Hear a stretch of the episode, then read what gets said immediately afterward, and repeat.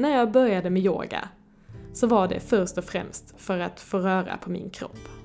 En träningsform som kunde komplettera min andra träning, tänkte jag. Efter ett tag insåg jag att yogan faktiskt gav mig något mer. Någonting annat. Det blev ett sätt att slappna av. Det hände också något med mitt medvetande och det kändes som jag började se saker och ting från ett djupare perspektiv. Nu är yogan viktig för den sätter mig i kontakt med något större. Det kanske låter flummigt, men yoga för mig har fyllt olika syften och fortsätter att fylla olika syften. Som om den fungerar på olika lager av min existens och ger mig precis det jag behöver, där och då. Något som går lite djupare än vad jag logiskt kan förklara. Ur en vedisk filosofi har vi inte bara en kropp, utan flera. Vi har inte bara vår fysiska kropp, utan också en emotionell och en energetisk och så vidare. Och sjukdom uppstår när vi är i obalans. Därmed är också läkning något som behöver ske i flera dimensioner och inte bara i en.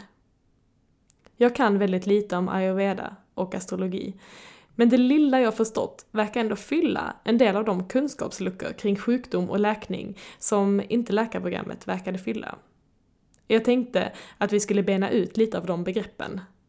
Håll i hatten och pausa om du inte hänger med, för det här är ett avsnitt fullproppat med information. Det här är värt att lyssna på. I dagens avsnitt får jag nämligen äran att prata om just läkning och, och ayurveda med ayurveda-läkaren Johan Andau, som vikt sitt liv åt den ayurvediska medicinen. Jag lärde mig massor och jag hoppas att du också kommer få göra det.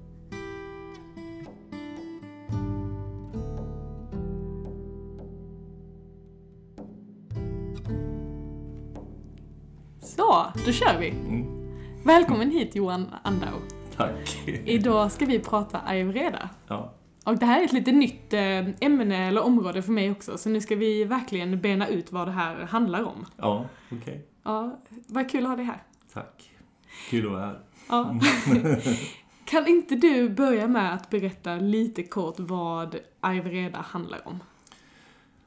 Eh, ay- ayurveda, det betyder ju egentligen vetenskapen om livet eller långt liv. Mhm. Så man kan säga att ayurveda beskriver ju egentligen naturen. Mm. Så, och det, den jobbar ju med naturen. Och my- mycket liksom att du, du utgår ju från i ayurveda att vi är naturen. Mhm. Eller hur? Mm. Det, det är ju liksom skillnaden.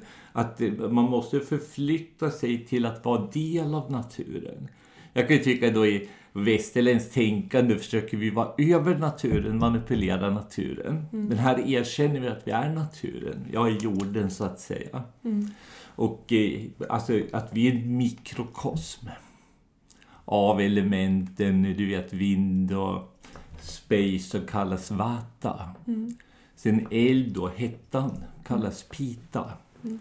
Och sen har du vatten i smörjningen eller att det håller ihop jorden. Jord och vattenelement kallas kappa. Mm. Så de här fem elementen har skapat allting i det här universumet. Mm. Och vi är en del av det här universumet. Så Ayurveda då försöker förstå oss i den kontexten. Så det, det, det är någonting med att man behöver förstå att man är naturen. Om vi verkligen vill förstå Ayurveda måste vi liksom förstå att vi är del av naturen. Mm. För Mm. du är också läkare. Men du är ayurvedisk läkare. Ja. Hur kom du in på den banan? Eh, Jag åkte till Indien när jag var 17 år. Då åkte jag till Indien i sökande. Så, för jag fick en, ett, en upplevelse. En djup själslig upplevelse. Och i det, det, det momentet kom det till mig att jag måste åka till Indien. Jag var ju något ung som du förstår. Mm. Jag hade aldrig tänkt de här tankarna överhuvudtaget. Men någonting hände i mig. Som fick allting att förändras. Och i det tog jag ett steg och åkte till Indien. Jag hade aldrig tänkt på att åka till Indien, aldrig tänkt såna här, i sådana här banor överhuvudtaget. Jag var ateist och jag var liksom en människa som absolut inte trodde på något och mådde jävligt dåligt, kort sagt. Men i den här resan till Indien, jag var då i den vevan fyra år, sen har jag varit fyra år till i Indien senare. Så jag stannade fyra år i Indien. Och på den resan kom jag i kontakt med Ayurveda. Och det första kontakten jag fick om Ayurveda var faktiskt en tysk kille. Han hade njursten. Så då berättade han att han hade fått en huskur i Indien var då att man skulle lägga en sten som heter malakit. Det en grön sten, mycket koppar i, i ett glas vatten. Så skulle man dricka det på morgonen. Och det gjorde han då i 14 dagar, alla njurstenar kom ut. Och det berättade han för mig, det här är en ayurvedisk kur. Så jag tyckte det här var ju märkligt så här. För I min värld var det jättekonstigt. Men jag lyssnade på honom och han liksom, okej. Jag, jag tog det ju, jag fattade, han ljuger ju inte. Och sen under den här resan kom jag i kontakt med Ayurveda. Bland annat då fick jag malaria. Och jag, var, jag fattade inte att jag hade malaria, så jag var ju något enormt sjuk. Och då tog de en ayurvedisk läkare kom till mitt hotell. Men då hade jag legat sjuk kanske en vecka utan att fatta vad det var för fel på mig. Men någon, någon feber, men jag fattade inte att det var malaria. Så då gav han mig vissa örter. Och sa till mig, om fem dagar är du frisk. Sen femte dagen tog jag det sista och då var det borta. Och då var jag frisk. Och eh, då, sen dess har jag aldrig haft någon problem med den här malarian. Så jag tyckte att det här var ganska fascinerande. Det är fascinerande. Ja. Du utmanar min förförståelse redan, för jag hade en idé av att eh, Ayurveda funkar på livsstilsrelaterade sjukdomar. Mm. Eller om vi behöver liksom mer energi eller må bra eller som du sa, leva mer i enlighet med naturen och vår natur. Ja. Men jag trodde faktiskt inte att Ayurveda kunde funka på akuta saker. Jo, jo, absolut. Man använder Ayurveda för, du vet, jag har sett dem bota kolera, tyfus, hepatit. Hepatit botar du hur lätt som helst. De här A, B, det, är- det är så här, inget problem. Jag botar mycket själv hepatit också. Det, det, du går på örter ett par veckor så är du borta. Och det har jag gjort det också i Indien. Och dysenteri, som jag haft det, jag vet inte om du vet, ja, amöbadysenteri är inte så roligt att ha. Det är inte så vanligt i Sverige i alla fall. Nej. Nej, det blir jätte, jättesjuk. Men det, det, tog- gav de också med örter så är du borta bara liksom, på några dagar. Så det var inga problem heller att bota. Så, så det, de, alltså Ayurveda har man använt liksom som ett helt system med alla typer av sjukdomar. I Indien och jag fortfarande. Även liksom vissa grejer som där folk kanske bryter ben och sådär. Att de använder vissa metoder för att liksom spjälka upp ben och ge vissa örter för att det ska läka fortare. Var kommer ayurvedan ifrån? Man kan säga att ayurvedan kom ju i Indien då för många, många tusen år sedan. Den, den, har ju vuxit fram ur... Dels om man tittar mycket på djuren, vad djuren äter. När de blir sjuka. Du vet, mycket apor och många djur äter ju vissa plantor när de blir sjuka. Precis som hundar äter gräs och kräks och så. så där liksom, och då, då ser de det liksom, det var en sida av det. Dels var det då de här man kallar rishis. En rishi var ju då en siare eller en människa som var upplyst och var i ett djupt meditativt tillstånd. Och ur den meditationen de var i, det djupet, så fick de information. Då kunde de se hela skapelsen, förstå hela skapelsen. Och därifrån förklarar de hela skapelsen. Från den högsta nivån av själ så att säga och ner här på jorden. Hur allting hängde ihop och gav en förklaringsmodell. Hur de här elementen kommer till och så vidare. Mm. Så det kan man säga, de rishurna är de som ligger bakom Ayurveda egentligen. Och Men vad med djungelmedicin, med Ja. folkmun och med liksom vissa traditioner blandar in det. Det här är ett väldigt, väldigt, väldigt gammalt system. Ja, Hur gammalt? jag skulle säga, det- det- de beskriver, du vet i vissa skrifter i Indien, då beskriver de men de beskriver också tidpunkter i skrifterna astrologiskt. Idag kan du gå tillbaka och slå upp ett dataprogram. När stjärnorna stod så här och så här och så här var för 4800 år sedan, typ så. Det är så du kan tolka det och förstå när det var. Så det är liksom, jag skulle säga att normalt i det här vediska systemet, normalt teck, nedtecknar man ingenting. Det kom mycket senare. Det gick oralt. Det är liksom före ens den tiden. Ja, ja precis. Så det är liksom, från början är det jätte, jättegammalt. Jag skulle åtminstone gå tillbaka 8000 år i tiden. När det här börjar växa fram. Samma som vedisk astrologi, yoga, meditation. Mycket av de här grenarna växer fram genom en oral tradition. Och det var egentligen från början var det förbjudet att skriva ner det. Anledningen var Att de ville ha en människa som var kunnig som gav det till nästa människa den gav det till nästa människa. I vissa linjer så. Av vad man kallar lärare till student eller elev eller guru till disciple som man sa. Det var så det har förts vidare och jag fortfarande i Indien. Sen har du universitet i Indien också men mycket går i lärlingskap. Det är så du lär dig. Mm. Vilket jag tänker vi ska komma tillbaka till, för i det vediska synsättet eh, ser man på människan på ett lite annat sätt och kanske också vad vi behöver för att läka. Ja, Eh, och då kanske det finns en poäng med att inte ha för mycket nedskrivet. För vi kan inte gå efter recept på samma sätt Nej. som vi kan göra i annan vetenskap. säger ja, jag nu. ja, ja. Men, eh, men eh, du förstår vad jag menar? Mm, Eh, Att mm. man behöver individanpassa det på ett annat sätt. Ja, ja, och då kan inte gå efter färdiga mallar. Nej, det går inte. I det här Allt, är, allt har med individen att göra. Exakt. Att varje individ är olika. Mm. Så hur du reagerar på vatten och jag reagerar på vatten är något olika beroende på våra konstitutioner. Mm. Och vad vi äter, hur du reagerar på en viss mat och jag reagerar på en viss mat. Mm. är något olika. Så, mm. Det här, för att återgå till det här vediska synsättet då. Mm. eh, För att Ive redan kommer från det. Mm. Eh, Hur ser man på människan ur det systemet? Och våra kroppar och vår existens? Oj, det är en jättestor fråga. Eller hur men, eh, skiljer det sig från Ja. vårt sätt att se på? Ja, men man kan säga i, i det vediska först och främst är det ju då liksom, har du en gudomlig gnista, det kallar man atman. Så den här atman är liksom i början, liksom, det är vårt ursprung, det är det vi är och alltid har varit, kommer alltid att vara. Så sen, jag menar, så den finns som ett vittne. Så du och jag sitter här liksom i våra kroppar, du Elin och jag Johan, men egentligen är vi atman. Så, förstår du? Och den har vi alltid varit, kommer alltid att vara. Så det är den ultimata verkligheten. Och man kan säga den verkligheten har man beskrivit i liksom i många så här Jesus beskriver den och Buddha beskriver den och så vidare. Alla de här människorna beskriver att det finns en verklighet bakom allting.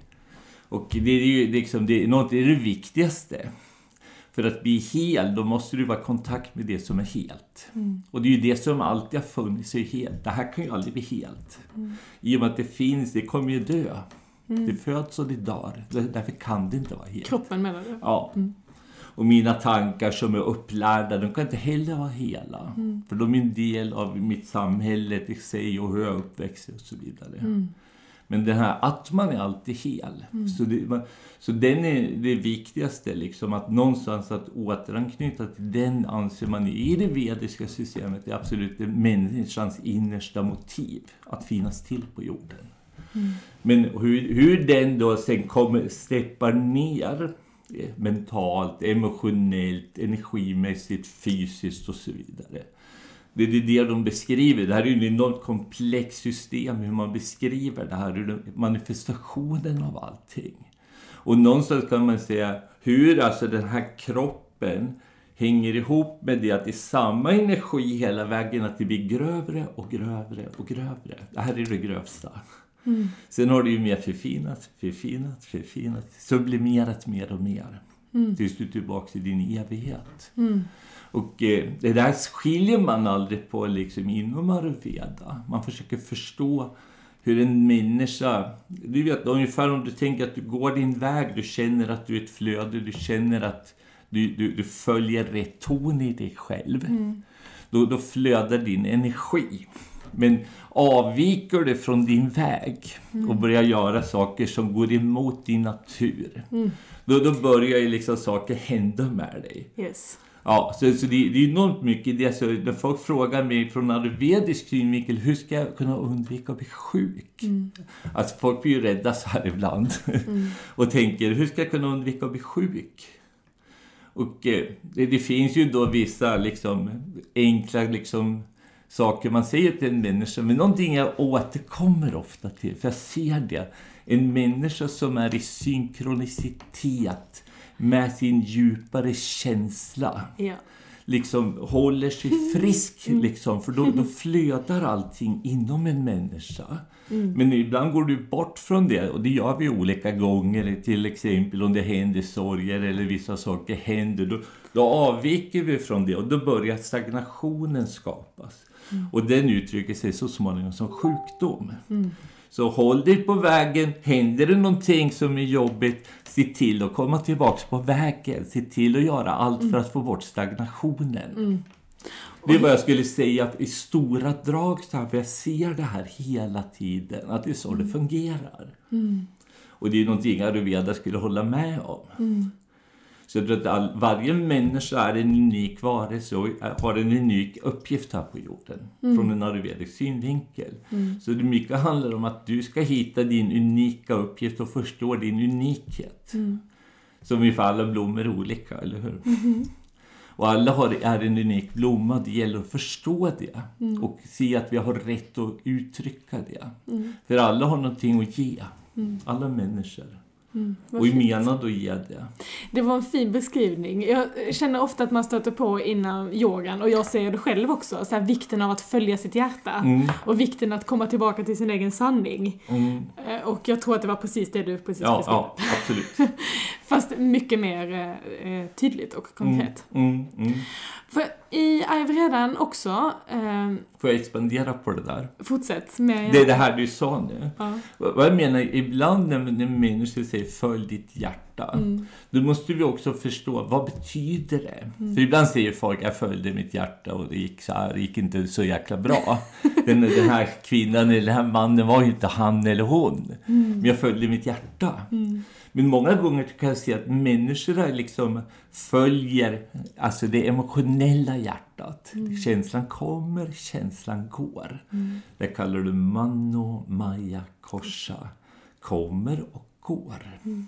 Men det ultimata hjärtat, alltså din, din essens, är vis. Och följa den är en annan sak än att följa de här grejerna som kommer och går.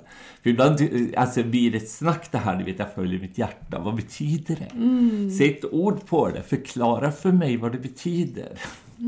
Så det inte blir bara ett snack så här på riktigt. För det här är vad jag ser att människor missbrukar det här ordvalet. Vad hjärtat egentligen är. Tack! Och det återknyter till, du sa man och Maya Kosha. Ja, För vi har olika nivåer Ja. av oss själva, eller Ja, vår existens, eller våra kroppar. Och vad, kan du beskriva det mer? Vad är detta? det, och vad är man och Maya Kosha? Ja, man och betyder känslor som kommer och känslor som går. Tankar som kommer, tankar som går. Och jag, på, svenska brukar jag översätta monkey mind. Det- ibland känner jag så, ibland känner jag så, ibland känner jag så. Alltså det kommer och går. Det är en del av liksom de vår psykologi på en mer ytligare nivå innan vi har hittat vår essens. Ja. jag är uppfostrad på vissa sätt, jag har viss uppväxt. Och där följer jag liksom, det, det liksom som ligger i stunden kanske så. Men det kanske inte alls är visdomen som styr. För ibland när jag ser folk säga att jag följer mitt hjärta, men inte alltid så visa val vi har kan jag tycka. Och då börjar jag ifrågasätta det här. Vad pratar vi egentligen om? Så, så, så det, det tror jag är jätteviktigt. Men det är bara att se att många människor missbrukar eller missförstår. För det, det skulle ju vara, att man skulle ju vara det egentligen vi ska följa. Och många människor känner, känner inte sin atma, så de har inte den möjligheten att följa atman. Hur gör man för att komma i kontakt med Atman? Man kan ju säga att en män, människa liksom, alltså vi, vi längtar efter något. Alla människor har en längtan djupt inom sig. Sen kan man säga att människan kanske inte har förstått vad den längtar över. Ibland behöver du leva ut liksom många önskningar du har. Och många liksom impulser du har i din man och Maja Korsa. The bucket list. Ja, ja, det, ja, på något sätt liksom innan du förstår vad du egentligen längtar efter. För det finns en inneboende längtan efter Atman, ditt eviga jag. Precis som du, liksom, det, det, det är inbyggt i oss. Precis som du är hungrig, du är törstig och så vidare. Så det, den längtan finns liksom där också. Jag skulle säga att den längtan är bakom all annan längtan. Den är djupare än barn eller att jag vill träffa en kvinna. Det här är djupare. För jag, jag längtar efter det jag alltid har varit. Alltid kommer vara. Så den längtan är djupare. Biologiskt klart att jag längtar efter barn och sådana här grejer. Det är något, något starkt. Men det här är ännu starkare. Förstår du? Det är så djupt. Men jag tror att en människa kommer ibland på en nivå där man börjar liksom undra. Och när en människa börjar undra och fråga vissa frågor. Det, är två typer av människor. En som har frågat de här frågorna, en som inte har gjort det. Och de här frågorna är ju typ så här, vem är jag? På riktigt. Alltså, var, varför lever jag? Varför finns jag? Finns det någonting mer? Sådana frågor. Alltså något djupt. Och jag tror de som inte har frågat, det liksom delvis det ju att allting fungerar till synes ganska bra. Och du märker säkert att människor som kommer i kriser, det fungerar inte riktigt som vi trodde. Det gick inte liksom enligt mina önskningar. Ofta i de lägena börjar folk fråga de här frågorna. Eller du kommer nära döden eller så här. Det händer saker, du blir sjuk. Sådana situationer tror jag människor frågar. De här frågorna har alltid folk frågat i alla tider, alla kulturer. Vi pratar mycket om trauman nu för tiden och jag tycker att det är en fråga som bör väckas också in, in, inom sjukvården och Mm. när vi pratar läkning och må bra och så här. Och också du nämnde att du mådde dåligt som 17-åring och Mm. du kom i kontakt med någonting som fick Mm. dig att sätta fart på den här resan. Ja, Tror du att trauma kan vara en ögonöppnare för att hitta det Ja. eh, in i någonting djupare? ja absolut. Nu, nu är det ju mycket som att liksom, om du trycker undan trauma, då får du inte en möjlighet att växa. Nej. Du, du vet det här ordet kris, man säger ibland möjlighet, fara eller möjlighet så här, typ så här. Men jag tror att när människor då har liksom en sån kris kan man säga. Det är en enorm möjlighet att växa som människa. Men eh, stänger vi ner det på olika sätt eller medicinerar ner det, då, då, vi, då tappar vi en enorm, enorm möjlighet. För jag ser i mitt liv, alltså mina största kriser, det, de är liksom de som har varit viktigast för mig som människa. Det har tagit mig vidare som människa, det har gjort mig till en bättre människa än jag var innan. Yes. För jag, de, de har fått mig att gråta ut massa olika saker och fått mig mycket närmare mig själv. Yes. Så om du medicinerar bort det eller stänger av det eller liksom för undertrycker det, då missar du en enorm, enorm möjlighet. Det är ett mycket, mycket bättre liv. Och en, extra, eh, en extrem kraft. Ja. Jag har en till väldigt stor idol som heter Lisa Rankin som jag pratar väldigt mycket om och hon eh, beskriver det här som post-traumatic growth. Ja. Ja, antingen hamnar vi post-traumatic Mm, stress mm, mm, eller så mm. hamnar vi post-traumatic growth. Ja, Eh, ja, det är bra uttryckt. Det är ett bra uttryck Ja, faktiskt. jättebra faktiskt. Jag gillar det, jag har aldrig hört det. Men eh, tillbaka till det vediska perspektivet. Mm. Och eh, vi eh, har... Där pratar man också om att det finns två olika orsaker till att sjukdom uppstår, eller hur? Mm. Eh, kan du beskriva mer om detta? Det finns två olika typer av sjukdomar. Eh, de som faktiskt uppstår i den fysiska kroppen och de som uppstår eh, på grund av eh, trauman eller våra livshändelser. Mm. Ja, man kan ju säga ibland du får ju sjukdomar, kanske av fel livsstil och Mm. så vidare. Liksom, eller fel mat eller Mm. sådana här ganska ordinära saker. så här. Mm. Och det, det är ju inte som man liksom kan helt undvika att bli sjuk så här. Då och då åker vi på någonting. Det tror jag är mer eller mindre oundvikligt Mm. för de flesta människor. Det finns virus och bakterier. Ja, typ så. Men i Indien så där, då kanske de säger så här. Liksom. Jag kommer ihåg när jag var, gick, jag var mycket med en ayurvedisk läkare i många år i Indien. Så kommer jag ihåg en dag, då kom jag dit och var förkyld. Så säger jag, jag är förkyld liksom. Ja, och jag vet inte vad som är. Då säger han bara, det beror på vind, säger han. Okej. Det- Då förstod inte jag vad han menade med vadå vind? Men han menar Vata, det var Vata som hade öppnat mig för, alltså, alltså öppnat mitt immunförsvar. Det, det är stress egentligen och på enormt enkel nivå, att man är lite tunn, vinden är tunn. Så då har du svag immunförsvar. Det är så han menar, att du hade för mycket vind och tog du på det här och blev sjuk. Så det är den typen av liksom elementär liksom sjukdom. Så här. Sen har vi ju liksom vissa svagheter med oss. Alla människor har svagheter. Det tittar man mycket Jag jobbar ju med, som astrologi. Där ser du de här mm. svagheterna otroligt tydligt i människor. Var mm. de ligger.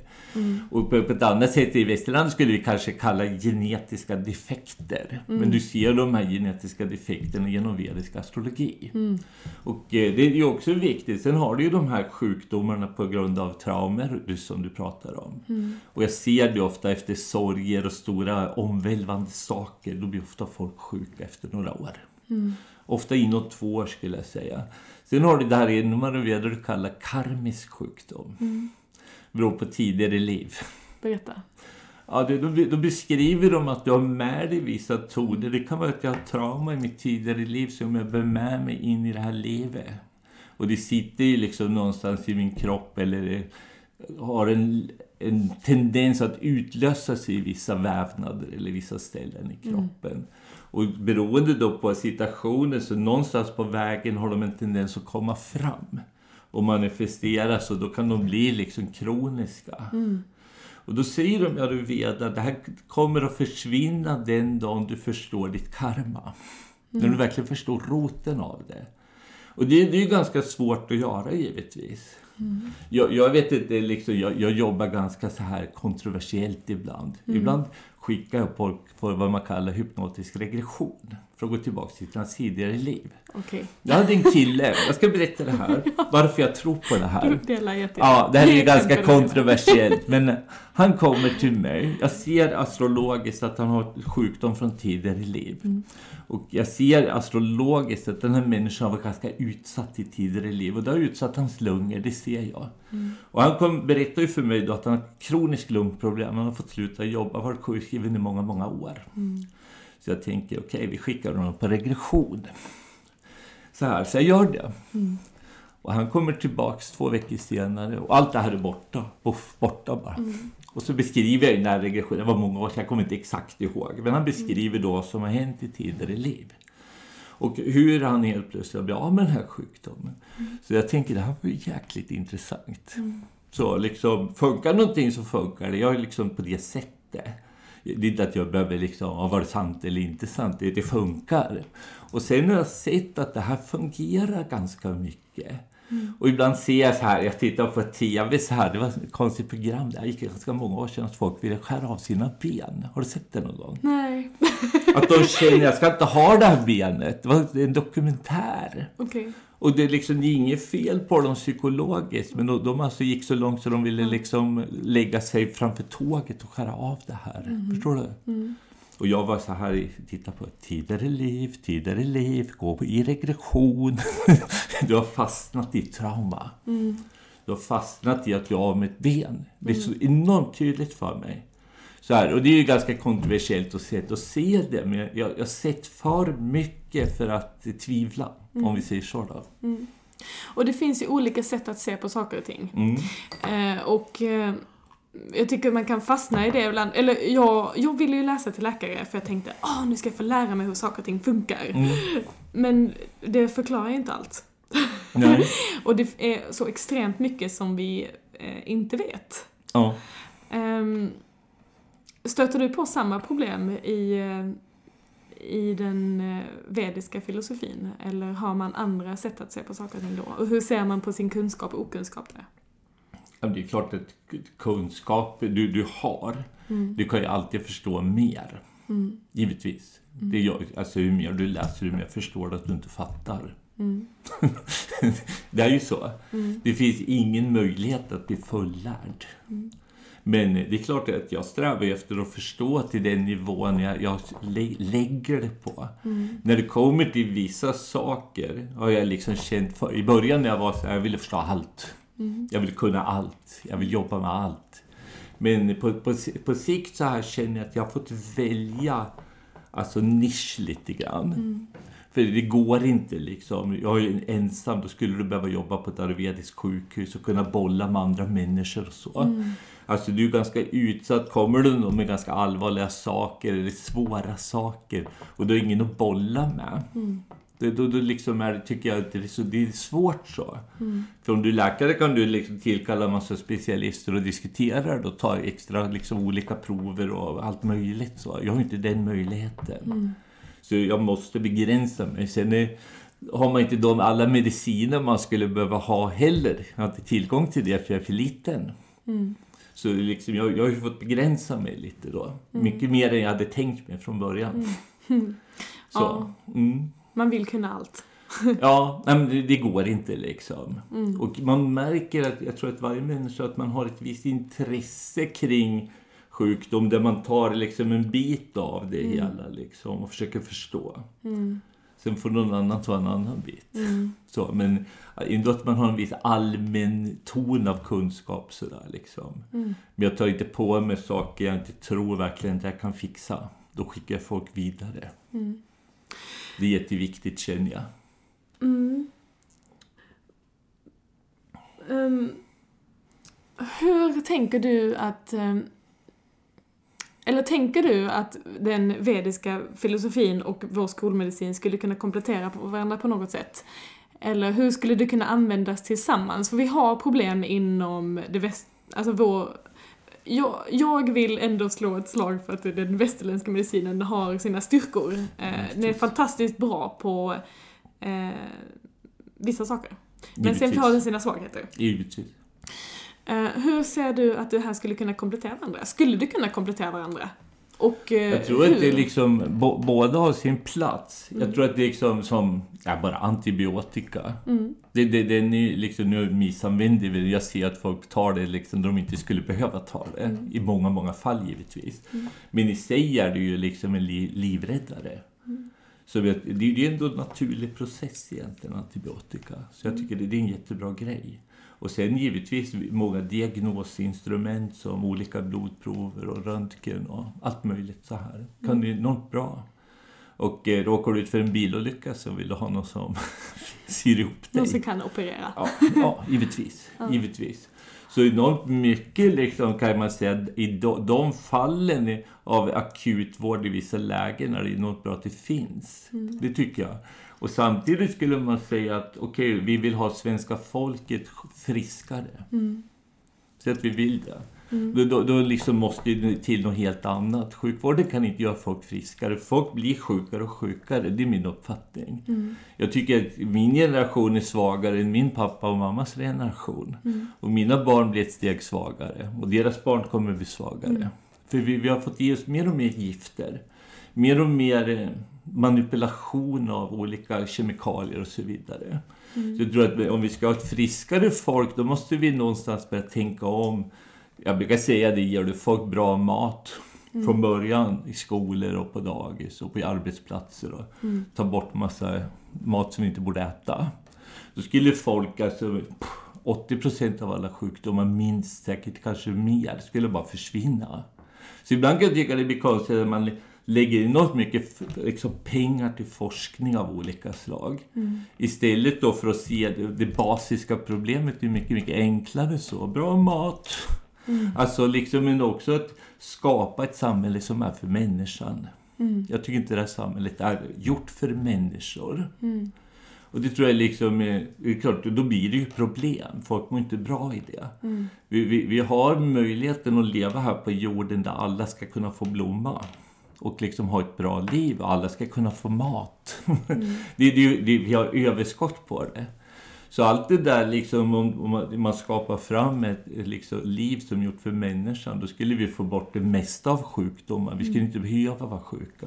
Jag skulle säga också rent evolutionsmässigt, han vän han säger, om människor ska utvecklas, alltså utvecklas och bli mer sig själva, finns två vägar.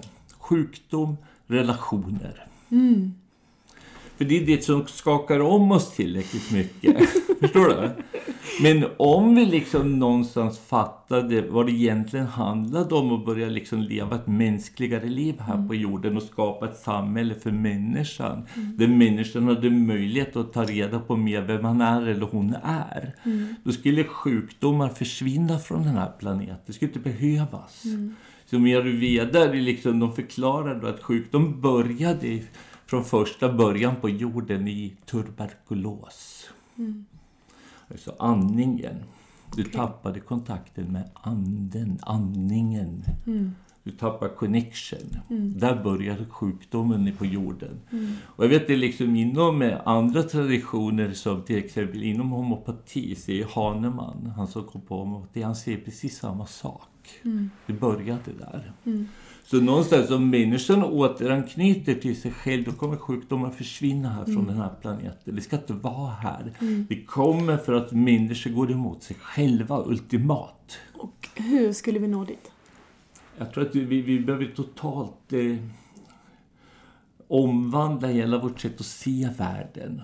Alltså i, idag kan man säga att människan försöker se världen som en möjlighet för sin egen överlevnad och sin kamp och sin egoism och så vidare. Och vi, misshandlar Moder Jord stort. Vi, vi är här för att liksom samarbeta med Moder Jord, alltså komma tillbaka till naturen och börja respektera henne. Och respektera varandra, alltså systerskap och broderskap och så vidare. Så vi, vi behöver totalt tänka om så drastiskt. För vi, vi har missat hela grejen. Du bor på en otroligt vacker plats, men du skövlar henne totalt. Det är inte meningen. Alltså om du kom utifrån och stod utanför jorden och tittade ner på den här blå planeten och sen kommer du ner och ser hur människor håller på här. Du skulle bara tycka att de är helt ute och cyklar. Vad håller de på med? Förstår du? Det, det, det är så off the chart. Och det tror jag liksom, så, så sakta men säkert måste människan börja tänka om. Vad, vad egentligen livet handlar om. Det, det är min uppfattning. Men det, det är otroligt drastiskt. För hela skolsystemet måste omvandlas. Hur, hur vi behandlar familjen, barnen. Du vet, alla facetter. Hur vi äter, hur vi lever. Allting måste liksom omvandlas. För det är sjukdomsbringande hur vi lever. För vi lever inte i harmoni med oss själva och med naturen. Det är min uppfattning. Ja, och jag, jag är ju inne på samma spår som dig, Mm. även om jag kommer från en annan bakgrund. Mm. Och jag skulle vilja säga att jag tror så mycket hade löst sig om vi bara hade haft yoga i skolan. Ja, Vad skulle din lösning vara? Jag, jag håller med dig det här med yoga i skolan, meditation i skolan. Alltså, bra mat från början. Vad vi nu anser det vara. Så. Men också att man skulle kunna se, gå in och titta mycket tidigare av de här svagheterna. Jag, jag, jag tycker astrologi är ett otroligt redskap. Du ser det. Du ser direkt det här. Jag har sett det på människor, tittar de tidigt så ser de när de blir äldre var sjukdomarna kommer, var obalanserna kommer. Men du skulle behöva alltså stötta varje individ på ett sätt där den får möjlighet att blomma från början. Och hjälpa dem dit här på olika sätt. Det är min uppfattning. Alltså att människan är så viktig, varje individ är så viktig. Du har inte råd att bara låta folk liksom gå vilse och må dåligt och bli sjuka och så vidare. Du har inte råd med det. Och det här är intressant, för att vi har kommit tillbaka till as- astrologin många gånger. Mm. Och astrologin har en koppling till ayurvedan. Mm. ayurvedan. Och Ja. ayurvedan har också en koppling till yoga. Ja, Så nu måste vi reda ut det här. Ja. hur, hänger, hur hänger detta ihop? Man kan säga astrologi. Jag ska förklara det nu. Nu har jag pratat lite om ayurveda i korta drag. Det är svårt att förklara så här i korthet de här ämnena. De är så stora. Mm. Men i, i stora drag kan man säga astrologi.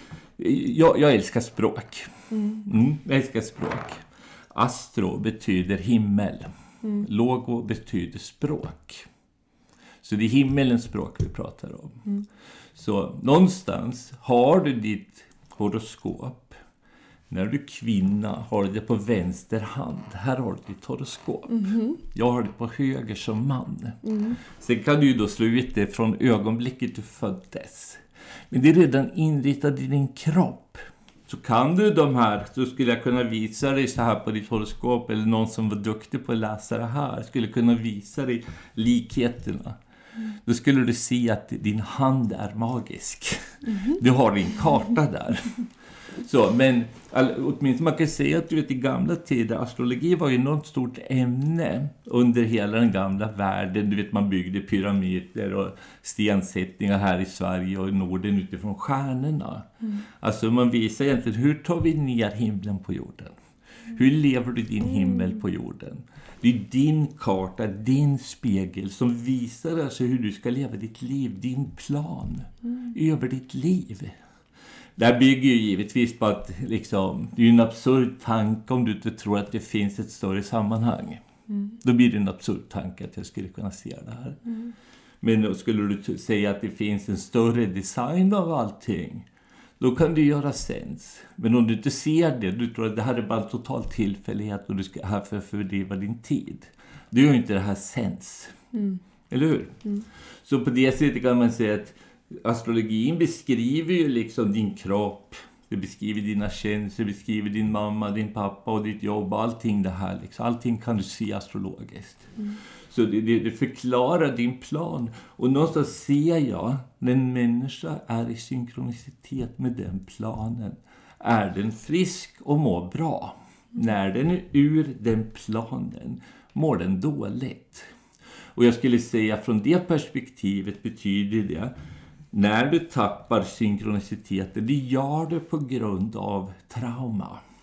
Sen kan ju de här traumorna vara starka eller mindre starka givetvis. Mm. Men någonstans har du någonstans fastnat på vägen. Du tryckte undan något, du gjorde inte upp med det. Och du blockerade in i din själ så att säga. Och där skapar du då ohälsa på olika nivåer. Men en människa följer den planen och följer sin liksom, naturliga längtan och sin naturliga natur. Då mår en människa bra. Jag ser det så tydligt. Alltså, hur mer människor känner sig själva, hur mer fungerar astrologin. Då stämmer det in i detalj. Mm. Så jag ser det liksom. Jag hade rektorn på psykologihögskolan, jag ska inte säga vilken, för en del år sedan. Hon kom och hade en sitting med mig. Och då säger hon till mig så här. Det här du tar fram på en tillfälle, det tar oss flera år att komma på. Om vi kan komma på det. Mm. Du bara levererar det så. En sittning, en och en halv timme. Mm. Hon bara wow! liksom, hur kan du se allt det här på ett papper? Så, men det är liksom, så började hon skicka mycket psykologer till mig. Och då alla liksom håller ju med mig. Och jag lärde, kom i kontakt med astrologi i Indien men också när jag kom hem från Indien träffade en kille som är på med det i Sverige. Han var ju då psykolog och astrolog. Mm. Och han sa ju det också att man liksom ser saker från början, det är ett enormt verktyg.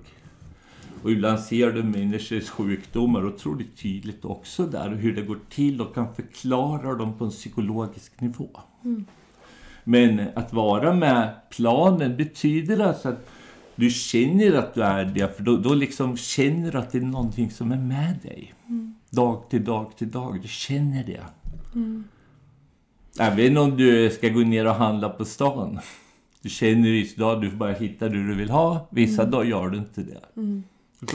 Så det går in i liksom, detaljer verkligen så. Ja, jag är tillbaka till det här följa hjärtat, följa hjärtat, följa mm, hjärtat. Mm, mm, och förra mm. veckans avsnitt som jag spelade in med Caroline, det har kanske inte du hört, men Nej. då pratade vi också om det här fast ur ett annat mm, eh, mm. perspektiv. Och det är intressant att du säger att eh, med, kopplade till astrologin och så, för det är ett synsätt som jag aldrig har haft med mig och som jag aldrig tänkt på, men det kan ändå resonera med någonting i mig för att jag Ja, men förstår du de här sakerna vi pratar om, då förstår du astrologi. Mm. Alla förstår det som har jobbat lite med sig själva. Mm. För dem är det totalt självklart. Mm. Förlåt.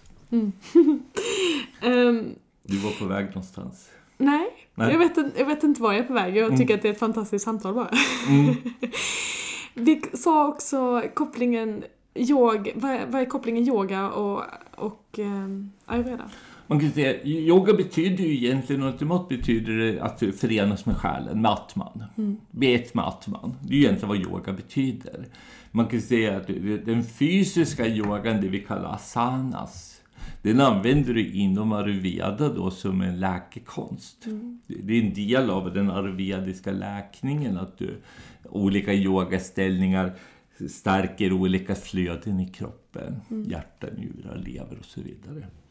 Sen har du ju dels de här olika massagebehandlingar eller du trycker på marmapunkter på kroppen och så. Allt det här hänger ihop med ayurvedan. Mm. Sen har du ju liksom då olika typer av yoga. Som bhakti-yoga betyder ju mm. hängivenhetens yoga. Betyder egentligen att dina känslor fokuserar på din atma. Mm. Sen har du det man kallar jnana yoga. betyder att dina tankar fokuserar på atman. Mm. Förstår du? Då får du med båda hjärnhalvorna. Alltså tanke, känsla mot atman. Mm. Och det, det är ju egentligen en naturlig... Alltså yoga egentligen, de här yoga, det, det är inbyggt. Det är inte liksom något som kommer utifrån. När du blir intresserad vem du är, då blir dina känslor riktade mot ett visst håll. Mm. Alltså du känslomässigt hänger dig mot liksom ditt eget hjärta, ur ditt eget hjärta, mot att finna vad du, liksom, vem du är. Tankemässigt blir du då filosofiskt, mentalt intresserad och förstå. Så där har du de yogaformerna som en naturlig del. Sen har du någonting man kallar karma-yoga. Mm. betyder alltså handlingens yoga. Alltså att handla i samklang med det jag är menad att göra här på jorden. Så du gör ju ditt och jag gör mitt. Förstår du? Mm. Och vi, vi handlar ju hela tiden, så handlingen måste också vara en form av yoga. Att vi handlar liksom i riktning av kärlek egentligen. Mm. Och medvetenhet. Så det är många olika yoger och de här yogerna kan man säga är liksom inbyggda och de växer här. Ofta såg man ju då att människor i djup meditation börjar göra olika så här mudras, olika rörelser för att få livsenergin att komma igenom. Det var ju så de kom på det. Mm. Mm. Alltså du vet, du, börjar twista kroppen på olika sätt när livsenergin fastnar. Det är så de kom på det och tittade då på människor i djup meditation. Mm. Och så, så allt det här med yoga, det uppstår enormt naturligt. Det är, det är liksom ingenting man tänker ut nödvändigtvis, men från början är det en naturlig fas helt enkelt. Det är det som är så intressant. Mm. Men många människor liksom, tänker inte på yoga, att det finns många nivåer av yoga. Alltså olika nivåer av ditt medvetande, olika korsas, olika höljen har sin egen yoga. Mm. Nu förklarar jag ju handlingens yoga och känslomässig yoga och mental yoga. Mm. Hur de rikt, riktas så att säga. Mm. Och den sammanlagda yogan kallar du radja yoga. Mm. Ra- Radja betyder kunglig. Men jag kan ge ett exempel på det, Mm. bara Mm. ur en så här personlig reflektion. Mm. För att när jag började med yoga så var det verkligen fysiskt. Mm. Eh, och, jag ville ha ett sätt att röra på kroppen Mm, och någonting som kunde komplettera min träning Mm, och någonting som mm. kunde göra mig smidigare. Mm. Eh, Men sen stannade det inte där. För Mm. att i takt med att jag kom djupare in i detta så var det som att det öppnas upp nya saker och Mm. yogan har hela tiden fyllt nya behov. Mm. Och det har he- hela tiden ändrat form. Att Mm. det går från det till att ah, men det är faktiskt någonting som gör mig mer avslappnad. Mm. Och det är faktiskt någonting som gör någonting med mitt medvetande, Mm. att jag ser saker och ting ur ett lite annat perspektiv. Mm. Mm. Till att det faktiskt är någonting som sätter mig i kontakt med någonting som är större. Ja, Som kommer djupare. Och Mm. att det hela tiden pendlar i Ja. alla de här Ja. lagren. ja. Och, och jag, jag tror att det är därför jag har fastnat för yoga personligen. Mm. För att det hela tiden, det fyller det Mm. hålet Mm. som jag känner att jag har i mitt liv. Och det, Mm. Ja, det var bara en personlig Nej, nej, men här, jag beskriver ju uppvaknandet av mer och mer korsas. Mm. Det är egentligen det du beskriver. Mm. Att dina korsas från den här uppåt vidare och vidare och vidare vaknar och vaknar och vaknar. Mm. Och liksom börjar flöda åt en viss riktning. Precis. För allting ska ju flöda tillbaks till själva ursprunget. och att svaret kommer någonstans där på vägen. Ja, Men jag tror inte att jag är unik med att känna så. Eller det vet jag ju att jag inte är. Nej. Utan det är väl den naturliga processen av Ja. yoga och det som gör yoga till yoga. Och Ja. det som faktiskt skiljer också yogan från att gå ut och bara springa. ja. Det har inte samma progress liksom. Nej, Eh, det harmoniserar energikroppen med den här fysiska. Ja, Mycket annan träning gör ju inte det. nej. Och hur flummigt jag än skulle tycka att det var i mitt, eh, för tio år sedan. Mm. Om jag hörde mig själv säga detta så Ja. skulle jag inte tro att det var sant. Nej. Men jag säger det. jag säger det ändå. Mm. Det händer någonting. Det, Ja. det är någonting där. Ja. Mm. Men eh, har du tänkt på att det här som man kallade flummigt för 10 år sedan, 15 år sedan, börjar bli lite mer oflummigt idag? Ja. Och det som var oflummigt då börjar bli lite mer flummigt nu. Ja, Har du märkt att det Ja, har det- vänt det vänder. mer och mer? det vänder lite. Ja, jag har sett på folk så här liksom att folk börjar se det som vi tyckte då var normalt och befäst och vetenskapligt så här börjar bli flummigt. Och det som var flummigt börjar bli ganska oflummigt. Mm. Jag sa ju det innan vi satte på micken här att jag läser just nu allmänvetenskap Mm. i, som en del i min doktorandutbildning. Mm. Och det är ganska flummigt. Mm. Mm. Statistik, liksom. Mm. Det som borde vara ganska konkret känner jag inte är så himla konkret. Det Mm. känns ganska matte liksom. Ja. Eh, ja. Också ett sidospår, men det Mm. håller på att ändras någonting. Mm, mm. Jag märkte jättemycket på folk sista 15 åren. För från 2008 Ja. märker jag att det blir mer och mer skillnad. Mm. Att jag ser att människor är mer öppna, tänker annorlunda. Mm. Och börjar liksom, saker börjar skifta jättetydligt upplever jag. Mm. Vad härligt. Mm. Det är hoppfullt faktiskt. Mm. Men du som har hållit på med det här ett tag Mm. och du säger själv att um, ayurvedan är en väldigt gammal tradition, det är Mm. flera tusen år gammalt Mm. och yogan lika så. Mm. Men ändå så har vi ett svenskt sjukvårdssystem som bygger på evidensbaserad medicin Mm. eh, och forskning och vetenskap. Mm. Ehm, och eh, som ligger väldigt långt ifrån Mm. ayurvedan. Mm. Fast som i kontexten är en ganska ny tradition. Ja. Men som ändå har fått en... Det är det som har fått fotfäste. Det är det Ja, vi ja. eh, tänker på som sant eller reellt. Mm. Varför har inte ayurvedan och yogan eh, fått en större betydelse? Du- i Sverige idag, menar Ja, i Sverige idag, eller i den västerländska världen, eller i den västerländska medicinen. Ja, Jag skulle säga att pengar, givetvis pengar, Mm. är ju en enormt stor del av det. Ekonomi. Mm. För, för att, eh, ja dels är det ju, du, du kan inte tjäna mycket pengar på det. Mm. du, om jag säger till dig att ät lite annorlunda mat så mår du bättre. Eller Mm. vad jag nu gör. Mm. Eller gör lite yogaställningar så mår du bättre. Mm. Det är inga pengar i det. Så det tror jag är en enormt stor sak. Mm. Ja. så det, det tror jag är den ena delen. Sen tror jag att, liksom att det, det, det här materiella synsättet vi har liksom har ju också då eh, är svårt att förklara vissa saker inom det materiella synsättet. Men jag tror att människan går, alltså vågskålen börjar gå tillbaks. Mm. Det gör den alltid. Mm. Så jag tror att människans eh, liksom, behov att känna djupare tillfredsställelse eller djupare förståelse kommer mer och mer tillbaks. Mm. Det tror jag. Mm. Men... eh, Och vad frågan?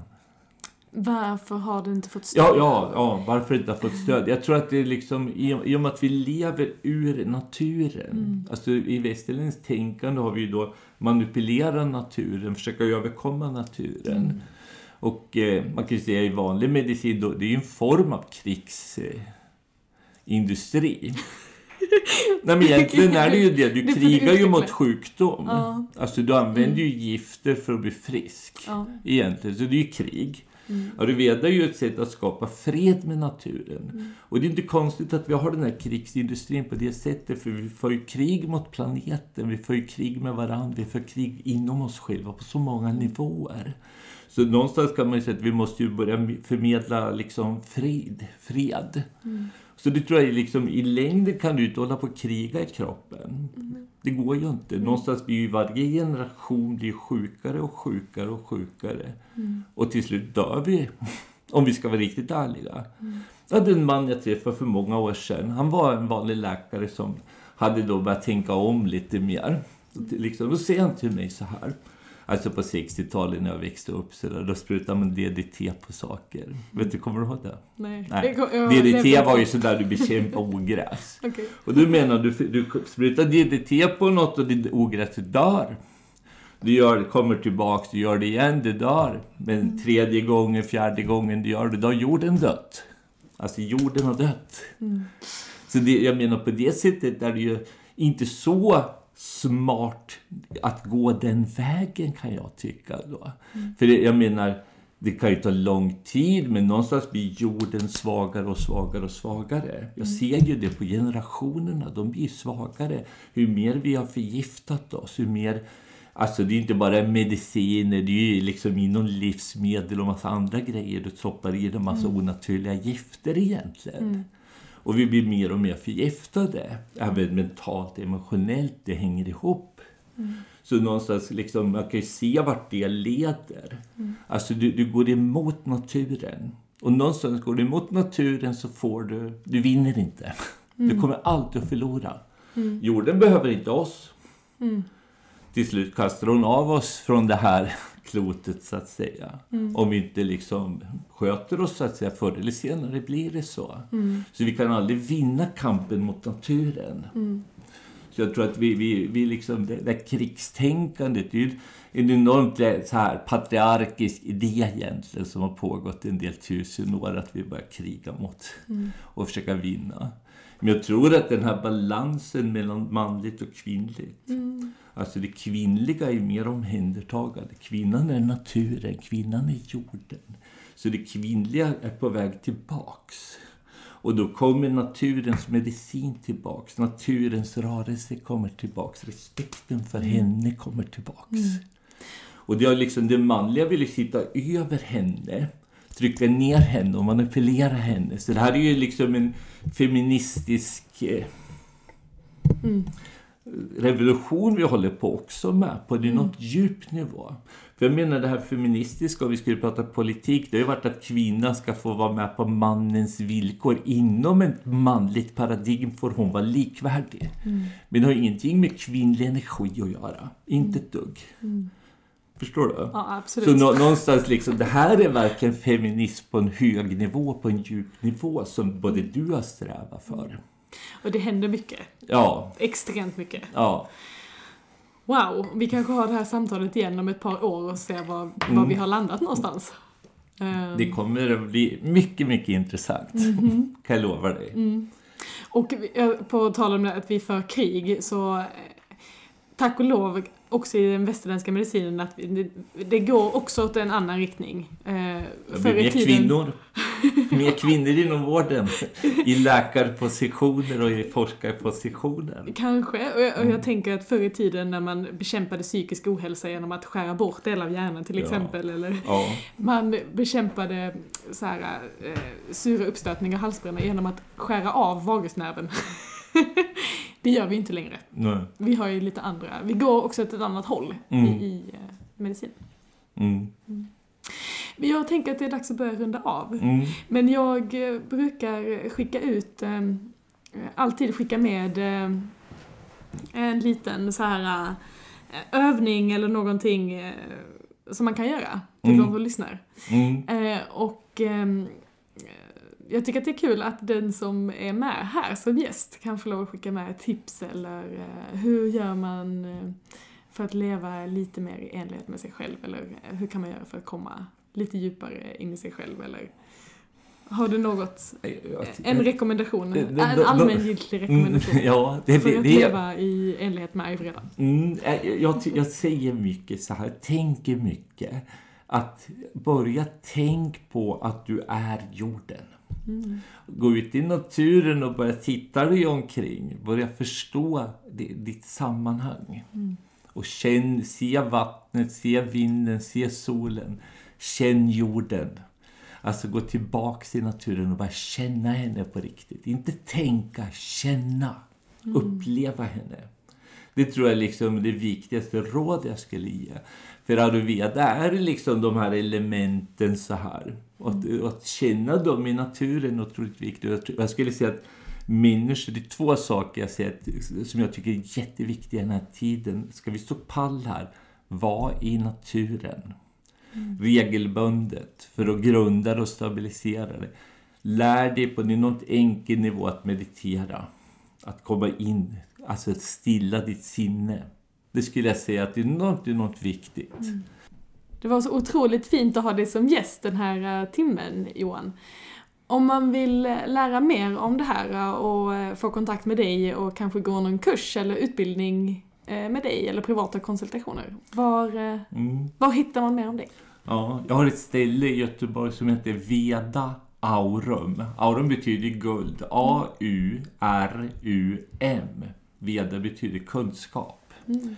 Ja, så där finns jag tillgänglig. Och eh, i Göteborg har jag föreläsningar, kurser och vi finns på Veda Aurum på Facebook också. Mm. Så man kan gå in och söka på det. Och det ligger ute mycket videos där också med föreläsningar som man kan gå in och titta på gratis. Mm. Och vi har kurser i Göteborg och vi kommer ha kurs här nu i Örebro också. Är det tänkt då.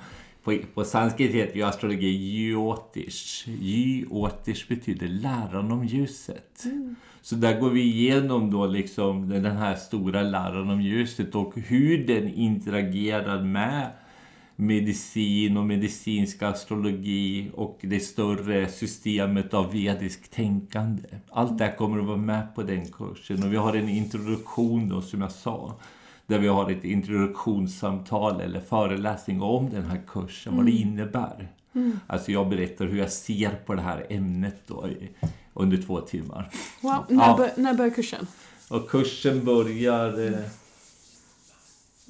maj. I maj. Ja, Otroligt spännande. ja. Otroligt... Men, ja, så om man går in och tittar på Facebook så kommer allt det här komma upp. Ja, Jag fick lära mig massor idag och jag ska säga att mycket av min förförståelse den har jag fått slänga bort för att göra plats för annat. okej. Jag är väldigt tacksam över det. Ja, tack, jag Så- lär mig också hela tiden. Ja, Tack. tack så mycket.